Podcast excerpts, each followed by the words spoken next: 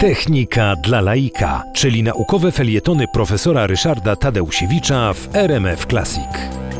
Kiedyś sztuczne satelity Ziemi to była rzadkość. Pierwszego Sputnika wszyscy wypatrywali na, na niebie jako takiej poruszającej się gwiazdki. W chwili obecnej satelitów w ogóle jest na orbitach dużo, z tego część nieczynnych. Natomiast y, znany miliarder, ale jednocześnie też ekscentryk i innowator Elon Musk wymyślił rzecz, która jest zupełnie niewiarygodna. Y, 17 lutego rakieta Falcon 9 wystrzeliła, czy też wprowadziła na orbitę 60 satelitów z serii Starlink. Jest tych satelitów na orbicie obecnie już 300, a ma być ich 40 tysięcy, co jest zupełnym szaleństwem i przeciwko czemu astronomowie zaczynają protestować, bo im te satelity za- zakłócają obraz, po prostu nie pozwalają obserwować dalekich gwiazd.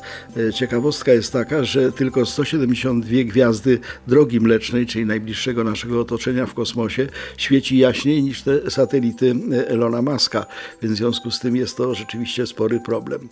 E, Te satelity e, Elona Muska, ten cały system Starlink, e, ma dostarczyć piątą generację internetu do każdego punktu na kuli ziemskiej. To znaczy nie będzie takich obszarów, gdzie ten internet jest bardziej lub mniej dostępny. Bezprzewodowo z kosmosu będzie on dostępny i to z szybkością co najmniej 1 gigabit na sekundę, czyli to wyprzedzi absolutnie wszystkie inne formy dystrybucji dostępu do internetu.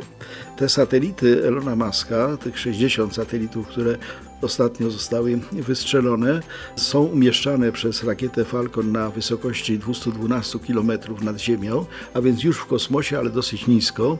Natomiast potem wykorzystują bardzo ciekawy pomysł, tak zwane silniki jonowe. To znaczy zamiast e, silników rakietowych, które spalają paliwo, e, stosuje się silniki, które mogą być napędzane energią elektryczną i które przyspieszają te satelity w taki sposób, że ostateczny pułap, na którym te satelity wszystkie się rozmieszczą, to jest 550 km nad Ziemią. Daleko, wysoko, no ale niestety właśnie przy tej ilości tych satelitów może to być e, spory problem.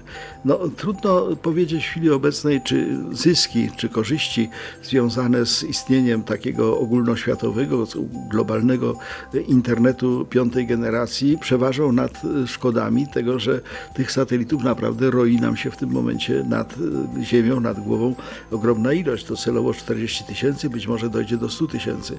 Natomiast prawda jest taka, że dożyliśmy ciekawych czasów, bo coś, co było kiedyś unikatowe i bardzo rzadkie, stało się w tym momencie tak pospolite, że można wysyłać te satelity właśnie w paczkach.